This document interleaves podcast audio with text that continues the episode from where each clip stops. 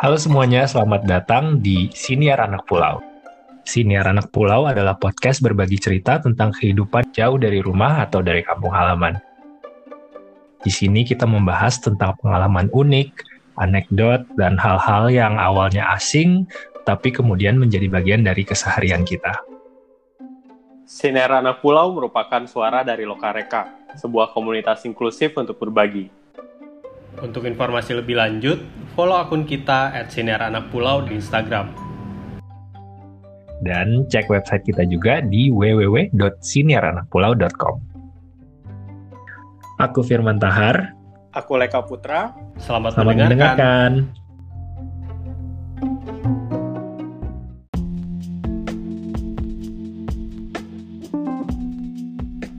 Sekarang aku mau bahas tentang bahasa nih Leka. Soalnya kemarin ini aku sempat ditanyain sama temenku, bukan orang Indonesia sih. Mereka nanya, emang di Indonesia ada berapa bahasa gitu?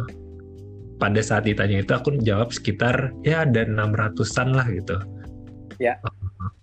Tapi jujur aku jujur aku nggak tahu uh, angka pastinya tuh ada berapa gitu. Jadi kemarin aku googling lah uh, sebenarnya di Indonesia tuh ada beberapa bahasa daerah sih gitu. Ya. Nah, menarik nih karena ternyata beda-beda ya tergantung institusi yang catat ini gitu. Kalau menurut data pokok kebahasaan dan kesastraan dari Badan Pengembangan dan Pembinaan Bahasa Departemen Pendidikan dan Kebudayaan, wow, panjang ya, yang aku akses uh, bulan Agustus itu mereka mencatat ada 718 bahasa daerah. Ya. Terus kalau menurut Badan Pusat Statistik 2010 itu jadi mungkin kayak handbooknya gitu kali ya. Mereka ada list 1211 bahasa di mana 1158 itu adalah bahasa daerah. Wow. Kamu kan udah pernah berpindah nih ya ke hmm. ke beberapa tempat gitu Hmm. Kamu sempat belajar nggak sih bahasa daerah atau ada nggak sih bahasa daerah lain yang kamu kuasai gitu? Ini aku mohon maaf banget ya. aku merasa malu sama ini, tapi aku nggak ada yang bisa bahasa daerah. Dan ini jujur, aku iri sama orang yang masih menguasai bahasa daerahnya. Bahasa ibu ya jadinya nih ya, bukan bahasa ya. Indonesia. Karena aku nggak dibesarkan dengan itu biarpun seingatku ya dulu di rumahku itu ibuku sama nenekku mereka selalu ngomong bahasa Sunda. Ya. Tapi mereka nggak pernah ngomong bahasa Sunda sama aku sama anak-anaknya. Jadi selalu bahasa Indonesia. Jadi meskipun aku ngerti nangkep lah beberapa kata gitu tapi untuk ngomong aku nggak bisa sih bahasa bahasa Sunda gitu. Dan yang anehnya adalah aku justru lebih ngerti bahasa Jawa karena dulu penghasilku orang Jawa. Ah, oke. Okay. Tapi aku nggak inget kapan aku pernah belajar bahasa Jawa. I just know what it means. Oke. Okay. Gitu. Kamu gimana? Kamu kan ini nih multikultural ya. Jadi kamu menguasai berapa, berapa bahasa? Ya? Aku ngerti dan lumayan bisa bahasa Sunda walaupun kalau Sunda halus itu kayak nggak tahu ya ini ini mungkin agak side tracking dikit. Kamu kalau misalnya ngomong pakai bahasa Inggris sama orang yang native language bahasa Inggris kamu jadi agak-agak self conscious gitu nggak sih? Iya aku nggak usah sama orang yang native sama orang yang nggak native aja aku pakai bahasa Inggris campur-campur aku ngerasa kalau bahasa Sunda halus tuh kayak gitu. Jadi kalau misalnya kalau misalnya ketemu orang orang Sunda juga gitu ya kalau anak muda itu aku bisa lumayan lancar gitu. Tapi kalau misalnya orang tua which happened to me a few days ago tukang cukur rambutku dari Garut. Asgar uh, Asgar bapak-bapak gitu orangnya lebih tua dan dia ngomongnya dengan dengan Sunda yang sangat halus hmm. man. Itu aku lumayan takut salah ngomong banget gitu dan dia tahu aku dari Bandung juga gitu. Jadi ngomong dengan bahasa Sunda itu aku takut salah tapi ngomong dengan bahasa Indonesia juga aku merasa agak kurang sopan gitu. Jadi ya aku basically oke okay bahasa Sundanya kemudian juga karena keluargaku di di Kalimantan hmm. aku lumayan bisa bahasa Pontianak itu satu uh, sama okay. mamaku tuh tinggal di kota kecil namanya Sanggau sekarang itu 4 jam perjalanan dari Pontianak, tapi dulu itu mungkin 8 jam karena sekarang jalannya udah lebih bagus. Mm-hmm. Nah, Sanggau ini juga punya bahasa yang beda sendiri. Menurutku mungkin bahasa bahasa Pontianak ini jauh lebih familiar di telinga teman-teman lain karena bunyinya kalau kalau Pontianak itu kayak bahasa Melayu aja gitu, kayak bahasa Malaysia gitu dengan huruf e yang yang khas di belakangnya gitu. Jadi kayak ada formula gitu ya. Apa kabar tuh apa kabar hmm, oke okay. something like that nah itu bahasa Pontianak tapi yang bahasa Sanggau it's much more complicated nggak ada formulanya gitu loh mm-hmm. kayak bahasa Pontianak tadi mm. contohnya coba kamu kasih satu kalimat Vika aku aku translate ke bahasa Sanggau hmm.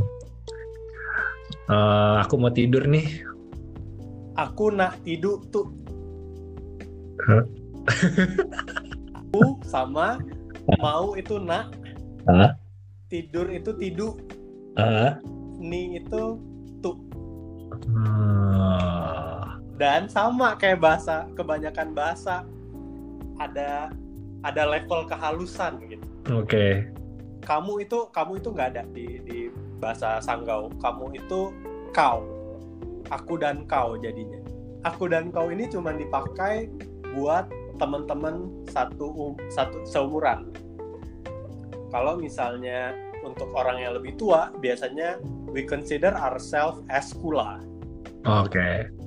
Itu cara kita manggil diri kita sendiri gitu. Iya, jadi okay. kalau misalnya bahasa Sunda tuh kayak Abdi. aing gitu. itu aing urang. Aing urang. Abi gitu ya. Ah, ya, aku taunya abdi. Iya, betul jadi ada ada level kayak gitu gitu aku pelajari bahasa ini tuh di umur umur aku masih kecil gitu jadi kayak nyerapnya cepat gitu walaupun sekarang udah bertahun-tahun aku nggak tinggal di sana mm-hmm.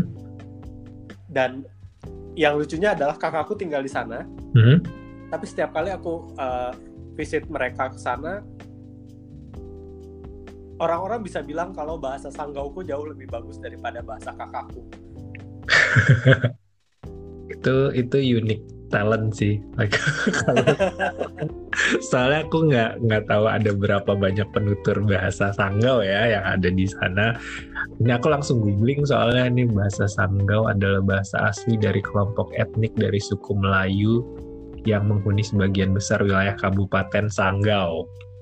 Iya kan? Hmm. Itu sangat spesifik karena yeah. bahasa Pontianak yang tadi aku bilang juga itu dari suku Melayu juga gitu. Jadi sama-sama hmm. Melayu nih hmm. di satu satu pulau. Yeah. Enggak, bahkan satu provinsi sama-sama Kalimantan Barat, cuman hmm. beda empat jam. Itu hmm. bahasanya udah beda banget. Yang menurutku hmm. that actually happens di seluruh Indonesia ya. Betapa perbedaan beberapa kilometer aja tuh bisa menyebabkan perbedaan bahasa gitu which is fascinating kan sampai tadi jumlahnya ribuan yang kamu sempat sebutkan di awal tadi. Terus eh by the way kalau kamu ke misalnya ke kabupaten yang berbeda gitu terus mereka udah bahasanya udah beda would you be able to understand? Nangkap sedikit-sedikit mungkin. Hmm. nangkap sedikit-sedikit. Ketika mungkin di awalnya mereka nyoba ngomong sama kita bahasa bahasa aslinya mereka kemudian hmm. mereka tahu kita ternyata nggak bisa pakai bahasa mereka hmm. akhirnya mereka akan berusaha pakai bahasa Indonesia dengan logat mereka masing-masing oh, oke okay. jadi let's say aku datang ya terus yeah. aku ngomong lah gitu dengan bebasnya pakai bahasa Indonesia kayak gini yeah. itu udah udah bener-bener ketahuan bahwa aku bukan orang situ gitu ya. Iya, iya. Kamu akan langsung ketahuan kalau Hmm. kamu anak Jakarta. Eh, Nah, aku juga pengen tahu nih Vi dari teman-teman yang ngedengerin bahasa daerah apa aja sih yang mereka kuasain gitu. Hmm. Jadi mungkin teman-teman bisa hubungi kita melalui email di hello at sineranakpulau.com ya. atau bisa melalui akun sosial media kita at Sinar Anak Pulau. Setelah ini kita bahasnya nggak jauh-jauh nih Vi dari bahasa daerah. Kita akan bahas logat. Oke. Nah, buat teman-teman, stay tune di Siniar Anak Pulau ya.